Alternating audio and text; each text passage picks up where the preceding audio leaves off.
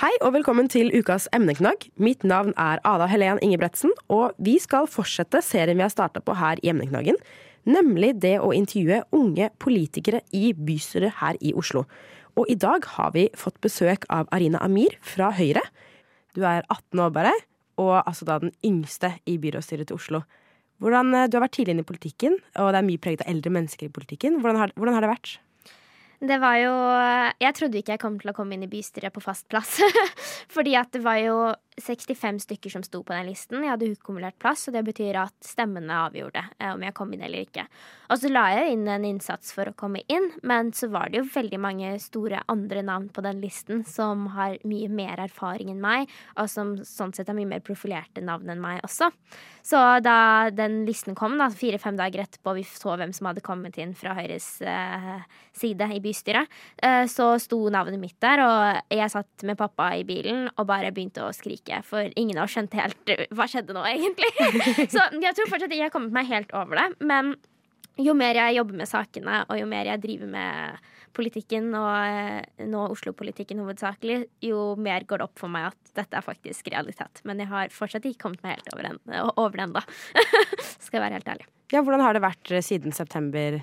Det var jo da du vant, eller da dere vant valget. Men hvordan har det vært siden du har sittet i bystyret? Det har vært veldig hektisk, for jeg har satt meg et uh, ganske så ambisiøst mål om å besøke alle ungdomsskolene og videregående skolene i Oslo. Eh, til nå har jeg besøkt rundt 40 eller 50 skoler, jeg har mistet litt telling, men et sted rundt, eh, rundt, der. Og det har jo vært, vært, veldig lærerikt, men også ganske tidskrevende. Samtidig som jeg må kombinere det med siste året på videregående i tillegg til bystyrets uh, oppgaver, som er lange sakspapirer og alt. Og så visste jeg jo at det var en god del lesing um, når man kommer inn i bystyret med alle sakene, men jeg visste ikke at det var så mye lesing. Det er god øving til jusstudiet, for å si det sånn. ja, det blir nok uh, mye arbeid der også. Mm. Hvordan, du, jo, du, er jo bare 18 år, mm. uh, og du sa at du hadde starta i politikken da du var 14. Så det ganske, det begynner å bli et par år siden nå. Mm. Hvordan har reisen siden da vært? Den har vært veldig veldig overveldende. Gått ganske Det har både gått fort og treigt. For noen ganger så føler man at eh, man sitter et sted og ikke får noe utvikling. Um, og det følte jeg kanskje det første året um, i Unge Høyre. Um, og så begynte jeg å skrive noen innlegg i 2020, og det førte jo til enorm medieoppmerksomhet, og jeg skjønte på en måte at stemmen min hadde noe å si. Uh, og etter det så har det bare Det har gått veldig fort, så noen ganger så må man ta en liten uh, pustepause og bare uh, ta inn over seg det som skjer. Eh, for både positivt med tanke på det man oppnådde, og at man skjønner at stemmen sin har en betydning i det norske samfunnet, men også negativ i form av at det blir veldig overveldende når hver gang du uttaler deg om en sak, så skal du få masse negative tilbakemeldinger, mye trusler, mye hets. Og det er også generelt sett at folk skal gjøre opp en mening om det, da, uten å faktisk kjenne deg. Eh, både om hvordan jeg er som gjør det på skolen. Mange tror at jeg har veldig dårlig karakter fordi at jeg driver så mye med politikk. Um, og at jeg kanskje er en dårlig muslim av tingene jeg sier. At jeg eh, ikke har et sosialt liv. Ma mange mennesker gjør opp en tanke eller en mening om livet mitt, da, og hvordan jeg er, uten å egentlig kjenne meg ordentlig. Så um, det er på en måte noen negative sider da, som man tenker sånn åh, gidder jeg det her egentlig? Ja, for hvordan, har det egentlig, hvordan påvirker det deg? Jeg tror at jeg tar truslene og hetsen før tok jeg ganske hardt uh, innpå meg. Og noen ganger så gjør jeg det fortsatt. Men Det kommer litt an på hva det er, men stort sett så går det fint. Nå preller jeg det litt sånn av, egentlig. Og jeg syns egentlig det er litt underholdende å lese. Fordi at nå når jeg ikke får hets eller trusler på et innlegg, så føler jeg at jeg har gjort noe galt. For da er det tydeligvis ikke provosert nok. Eh, mens når jeg, så det er på en måte blitt en bekreftelse nå da, på at det jeg eh, sier eh, og mener, faktisk er nødvendig. Eh, men så er det de meningene som folk skal gjøre opp om meg. Det tror jeg også bare er en litt sånn tilvenningssak. For når man er en offentlig person, så kommer folk til å ha meninger om det. Og mye av det kommer bare til å være rykter og bare tull. Eh, men så må man bare klare å leve med det. Og slutte å bry seg. Noe som er litt vanskelig. Ja, det er jo forståelig. Det er jo mange unge som velger å liksom ta litt avstand fra politikk. Eh, og det kan jo på mange måter ja, i stor betydning gåsteiner svekke demokratiet, på en måte, da, mm. ved at man ikke deltar i politikken. Hvordan var det du bestemte deg for at det var noe du hadde lyst til å gjøre? Først og fremst må jeg si at jeg har full forståelse for de unge som eh, enten går ut av politikken veldig tidlig, eller velger å ikke engasjere seg. For samfunnsdebatten nå er kjempetøff eh, sammenlignet med det den var før. Jeg har foreldre som har vært eh, aktive i politikken, og jeg, når jeg sammenligner eh, den uh, mengden trusler og hets uh, min mor f.eks. fikk da hun satt på Stortinget. Det var noen brev hun fikk. Um, mens nå så kan jeg få flere tusen uh, kommentarer og meldinger som følge av mine innlegg. Og det er Man må være skikkelig hardhudet for å kunne være aktiv i politikken nå, og være aktiv i samfunnsdebatten generelt. Og jeg vil si at det er ganske negativt, fordi at da mister vi så mange dyktige og så mange flinke folk som har et stort potensial, et virkelig brennende samfunnsengasjement, eh, men som eh, bare gir seg fordi at de klarer ikke holde opp med alle de truslene og all den hetsen og alt det negative da, eh, som følger med det å være en offentlig person. Hva er det du synes, hvordan syns du det skal endres, så flere kan delta? Det er jo vanskelig, fordi at uh, man skulle jo gjerne tenkt at dette var en quick fix, og um, bare på en måte si at gjør dette, så løser det hele problemet. Men så må jeg nesten Det er vel to sider av det. På den ene siden så ser man at det er jo ofte den eldre generasjon som hetser og truer mest. Eh, vår generasjon er mye mer varsom med hva vi skriver, så lenge det ikke er anonymt. For på TikTok så er det mye anonyme brukere, og der ser man at det er en ganske tøff tone i kommentarfeltet der også. Men så lenge man ikke er anonym, så er vi mye hyggeligere mot hverandre enn det kanskje foreldregenerasjonen vår er. Så jeg tror at den endringen vil man se litt uh, med tiden, uh, hvor det kanskje kan bli enklere å uttale seg i samfunnsdebatten uten å få så hard, hard kritikk. Uh, men også dette med at man selv må gjøre seg litt sterk. Man må nesten gjøre seg litt hardhudet. Og det er litt synd å si at det må være sånn at du må endre på deg selv for å være aktiv i politikken i dag, men sånn har det dessverre blitt. Og jeg skulle ønske at det var annerledes, men dessverre så er det ikke det. Du har jo eh, sittet i bystyret nå noen par måneder. Mm. Hva slags erfaring er det du tenker at du som ung kan komme med i Oslo-politikken? Jeg tror at jeg, eller det som provoserer meg mest, det er politikere som eh, snakker på vegne av folk, og så aner de ikke hva problemet er. Um, det jeg blir skikkelig provosert når jeg hører politikere snakke om eh, integrering eller om skolepolitikk, eh, og for så vidt studentpolitikk, og så aner de ikke hva utfordringene egentlig er, og hva studentene eller elevene eller innvandrerne tenker om det selv. Så det viktigste for meg er jo som ung å formidle de utfordringene jeg opplever, og de jeg ser, og få inn den stemmen inn i bystyregruppen til Høyre og inn i Oslos politikk generelt. Både med tanke på de erfaringene jeg gjør som elev, som groruddøler, som uh, ung kvinne med minoritetsbakgrunn, um, og som generelt en uh, borger i Oslo. Um, og så er det jo det at vi må både se på hva man selv opplever. Eh, og så må man ikke bare la det definere hva, hvilke løsninger du har. Fordi at eh, jeg vet jo at jeg sitter med mye kompetanse som elev selv eh, for skolepolitikken i Oslo. Men jeg ville besøke flere skoler for å danne et mer helhetlig bilde. Så det jeg vil anbefale andre politikere å gjøre, er å gå og besøke steder, eh, gå og besøke eh, organisasjoner, skoler, bedrifter, utvalg som har, jobber med det du eh, brenner for, da, eller jobber med. Slik at du faktisk skjønner hva utfordringene er, at du får et mer helhetlig bilde. For det er ikke så svart-hvitt som mange politikere skal ha det til. Bildet er langt mer kompleks, og det så jeg annet med skolebesøkene mine nå. Noen steder så funker ting, andre steder så funker det ikke. Og så må man klare å finne en løsning midt imellom. Det virker som du har et ganske omfattende prosjekt dette med å besøke alle skolene i Oslo. Du sa at du hadde vært på sånn 40-50 skoler. Hva er hensikten med prosjektet? Hva er det som skal skje i slutten etter at du har besøkt alle sammen? Jeg har gitt litt opp på å besøke alle sammen. men eh, jeg skal prøve å besøke så mange jeg kan. Så. Men eh, målet mitt var jo først og fremst å lære mer. Eh, se hvilke utfordringer som utspiller seg i Oslo-skolen. Eh, hvordan vi kan løse disse utfordringene. Hva er tendensene blant ungdom i dag? For jeg lever i min boble eh, og går på min skole, men skolene i Oslo er skikkelig mangfoldige. Man har skole eh, skoler i en og samme bydel som sliter med helt ulike ting. Som eh, gjennomfører ting på helt, helt, ulikt vis med tanke på læring, eh, med tanke på eh, oppfølging av elever, rusproblemer, sosial kontroll, mobbing osv. Så, eh, så målet mitt var egentlig å lære mer eh, om hva utfordringene er. Finne løsninger sammen med de som kjenner til utfordringene best. Eh, gjøre meg bedre kjent med eh, både skoleledelsen og elever og elevråd, slik at de kan føle at de har en politiker i Oslo som de kan ta kontakt til, og som er litt deres. Eh, for det er vanskelig å ta steget til å ta kontakt med en kommunal politiker med mindre du har møtt vedkommende. Så det vil jeg også senke terskelen litt for, da, at det ikke skal være så av, stor avstand mellom politikere og folk flest. Eh, men også egentlig bli utfordret på egen politikk. Jeg ville se hvordan Høyres politikk fungerer i skolen. Um, hvordan rød-grønn politikk har fungert i skolen. Uh, og om det er ting uh, som uh, Høyre gjør som absolutt ikke fungerer, uh, eller mener som uh, kommer til å slå veldig negativt ut på skolen. For hvis de gjør det, så må vi vurdere å endre politikken vår. Men til nå, heldigvis, så har det ikke vært det.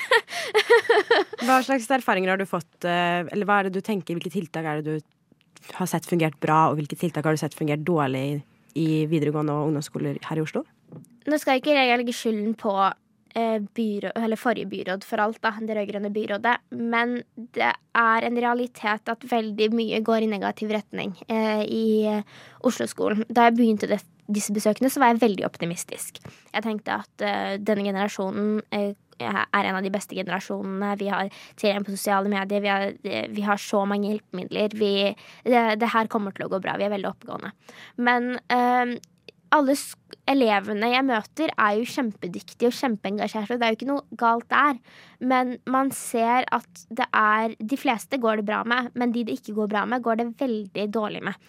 Eh, blant annet på østkanten så ser man utfordringer som eh, negativ sosial kontroll, som fortsatt er veldig utbredt. Eh, man ser skolene som har minoritetsrådgivere som klarer å avdekke dette, men skolene som ikke har det, kjenner ikke til utfordringen i det hele tatt. Så jeg håper jo at vi får på plass flere minoritetsrådgivere. Dette er egentlig statlig da, i samarbeid med IMDi, men vi får se litt på hvordan vi kan gjøre det i samarbeid med IMDi på de skolene som virkelig trenger det.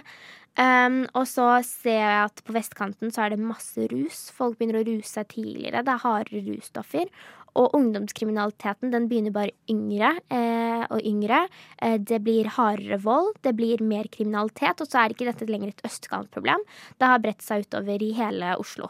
Så det er nå et Oslo-problem, eh, rett og slett. Fordi at man ser at gutter på vestkanten også, de selger eh, Blir liksom litt sånn de løpegutta, da. Som selger og kan bli mellommann mellom de harde kriminelle og de som skal, skal kjøpe. Og så er det noen skoler som sier at det er den gutten som er mest kriminell, som er den mest populære, da. Så det er ikke den som er kjekkest eller smartest, det er den som er mest kriminell og med størst rulleblad som er den mest populære. Fordi at uh, man respekterer han, man er redd for han. Det er noen gutter som ser litt opp til han. Og det, det ser jeg ut på som en veldig negativ utvikling. Nå merker jeg liksom at vi skraper liksom toppen av isfjellet her, men hva er det som er din hjertesak? Åh, det er vanskelig. Jeg tror at før jeg kom inn i bystyret, så hadde jeg veldig sånn veldig konkrete saker uh, som var min hjertesak. Men nå men før, Jeg har alltid brent veldig for dette med utdanning og dette med skole. Og jeg må rett og slett si både uh, både lokalt i Oslo, nasjonalt og internasjonalt, så er skolen min hjertesak. Lokalt fordi at hvis vi sikrer en god skole som følger opp de elevene som trenger det mest, og de som klarer seg best, så klarer man å få uh, en skole hvor alle føler seg inkludert, og hvor alle føler at uh, man bli sett da, og oppnå sitt potensial.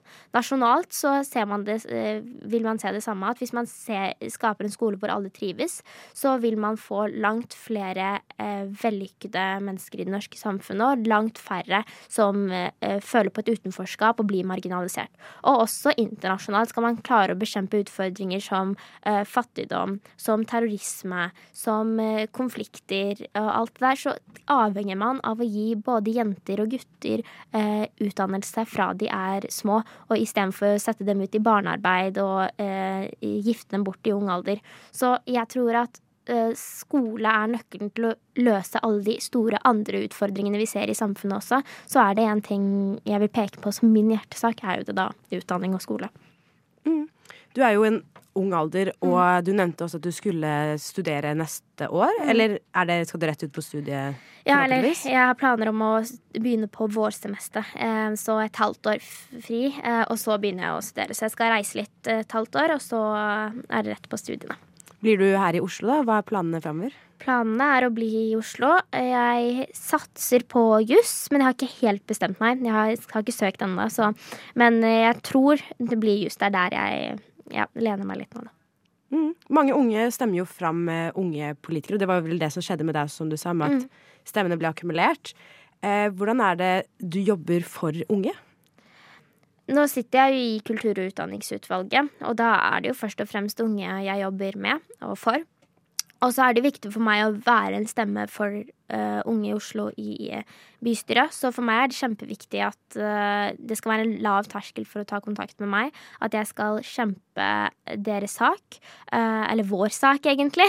Um, og at vi sammen skal skape et Oslo som skaper muligheter for alle, da. Du skal jo bli student neste år, forhåpentligvis. Mm. hvordan tror du arbeidet kommer til å bli videre? Da går det over til studentpolitikk, kanskje? Eller hva er det hva er dine tanker om studentpolitikken?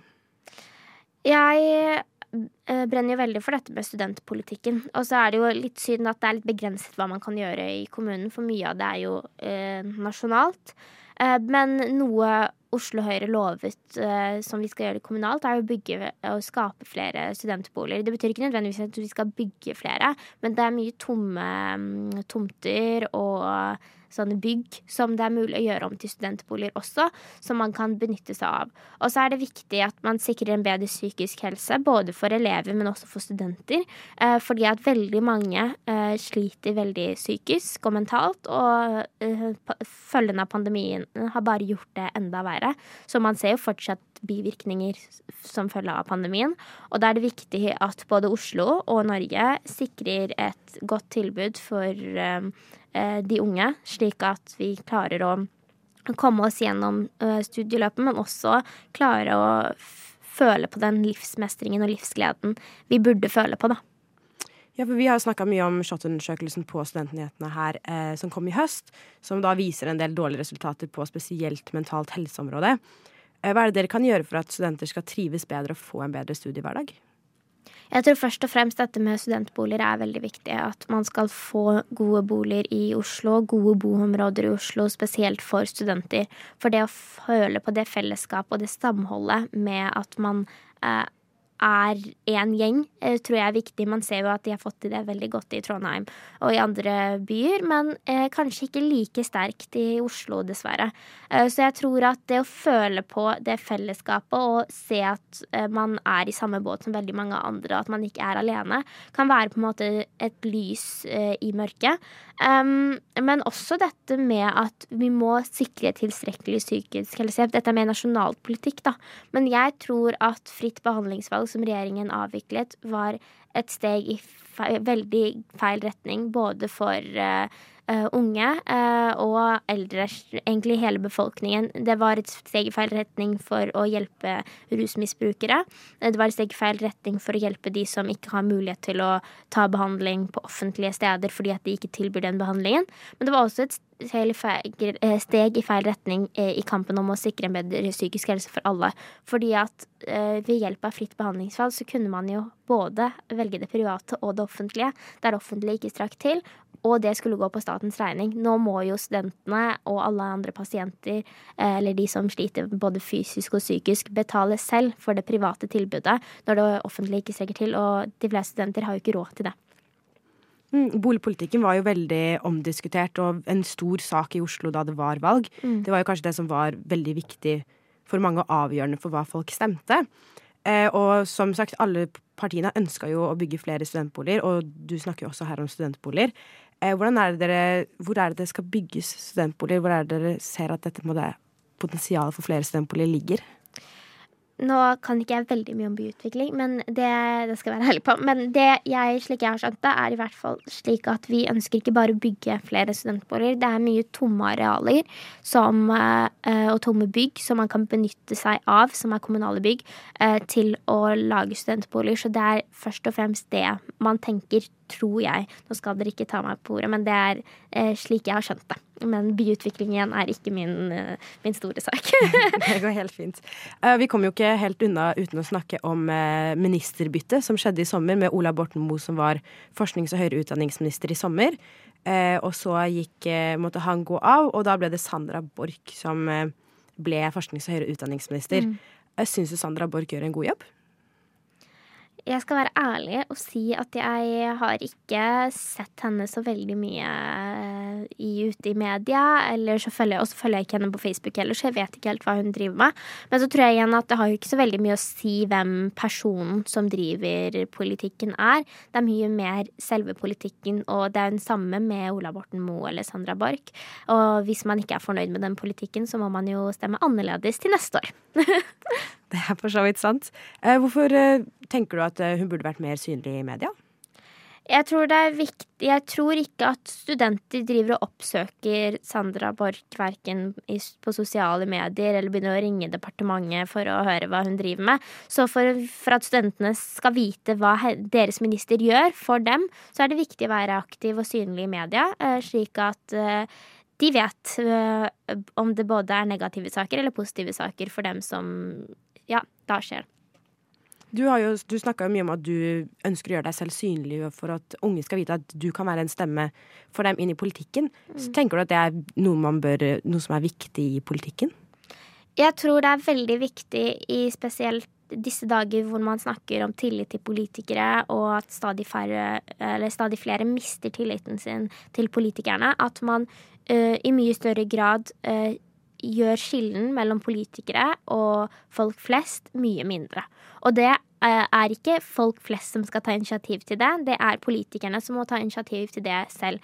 Man må gå ut og besøke skoler, man må besøke organisasjoner, bedrifter, man må møte studentene der de er. Man må mm, rett og slett være ute i befolkningen og møte Oslo-borgerne. Eh, for eh, de kommer ikke til å komme til oss hvis ikke vi kommer til dem, tror jeg, da. Mm. Og eh, for å bare runde av litt her, om du skulle fått ett ønske oppfylt for studenter i Oslo, hva ville det ha vært? Oi. Jeg har jo skjønt at den studentboligsaken er veldig viktig. Så det å sikre studentboliger til alle studenter i Oslo, det ville vært min uh, hjertesak hvis jeg kunne bestemme for en dag. er det noe du kommer til å ta bruk, eller skal du flytte ut i studentbolig forhåpentligvis da, hvis du får plass på en studentbolig? Det tror jeg ikke. Jeg trives veldig godt med familien min i Oslo. Så. ja. Gir mening å bo hjemme når man bor i mm. Oslo. Det ja. gjør det. Da, tusen takk for at du kom, med Arina Amir. Det er veldig hyggelig at eh, du hadde mulighet til det. Hvis dere vil høre intervjuet med Arina på nytt, kan dere gjøre det der dere hører på podkast. Og dere finner oss også på sosiale medier. Der heter vi også Studentnyhetene. Mitt navn er Ada Helen Ingebretsen, og Madeleine Dolati har vært tekniker i dag. Ha fin kveld videre.